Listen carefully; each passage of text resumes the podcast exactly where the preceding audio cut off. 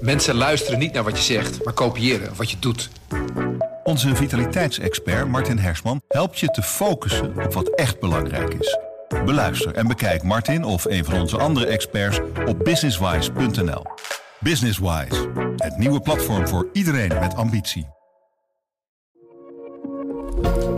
Goedemiddag.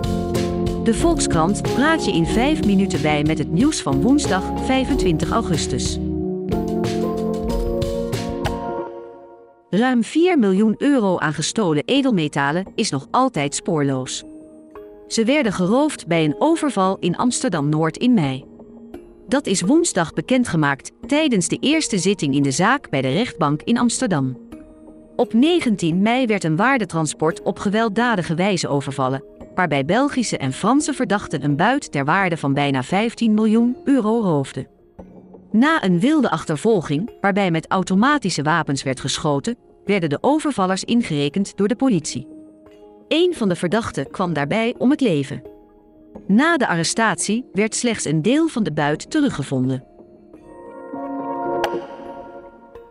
De Verenigde Staten werken samen met Oeganda bij de evacuatie van mensen uit Afghanistan. Vanochtend landen er 51 evacuees in het land. De komende dagen zullen er waarschijnlijk nog eens honderden mensen arriveren.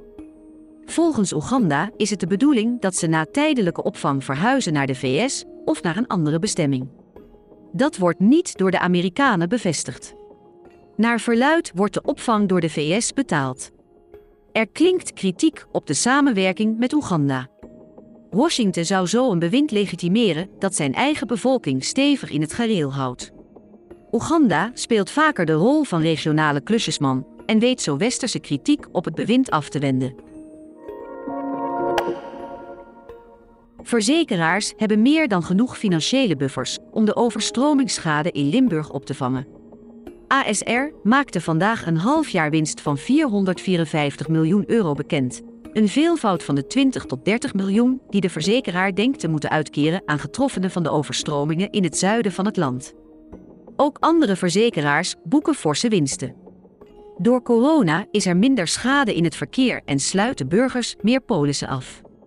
Tegelijkertijd zien ze dat ze steeds meer schade moeten uitkeren vanwege extreme weersomstandigheden. De man die als naakte baby op de iconische hoes van het Nirvana-album Nevermind staat, klaagt de band aan voor kinderporno. Hij eist een schadevergoeding van 150.000 dollar. Daarnaast wil hij dat de albumhoes niet meer wordt verspreid. De inmiddels 30-jarige Spencer Elder zegt zijn leven lang last te hebben gehad van de foto. Hij zegt emotionele schade te hebben opgelopen, waardoor hij minder goed presteerde op school en inkomen heeft verloren. Volgens hem is er commercieel geprofiteerd van kinderporno en hebben zijn voogden geen toestemming gegeven voor het gebruik van de afbeelding. De vertegenwoordigers van Nirvana hebben nog niet op de aanklacht gereageerd. Duizenden nieuwe studenten hebben zich dit jaar bij een studentenvereniging aangemeld, maar er is lang niet voor iedereen plek. Volgens de verenigingen zijn er dit jaar meer inschrijvingen dan ooit. Bij de Groningse vereniging Albertus Magnus zijn er bijna duizend aanmeldingen meer dan in 2019 en bij het Utrechtse Veritas zouden er om drie uur s'nachts al mensen in de rij hebben gestaan om een van de plekken te bemachtigen. De toegenomen belangstelling is opvallend, omdat de evenementen waar de verenigingen onbekend staan al anderhalf jaar door de coronamaatregelen beperkt zijn. Tegelijkertijd zijn jongeren het belang van sociaal contact door corona nog meer gaan inzien.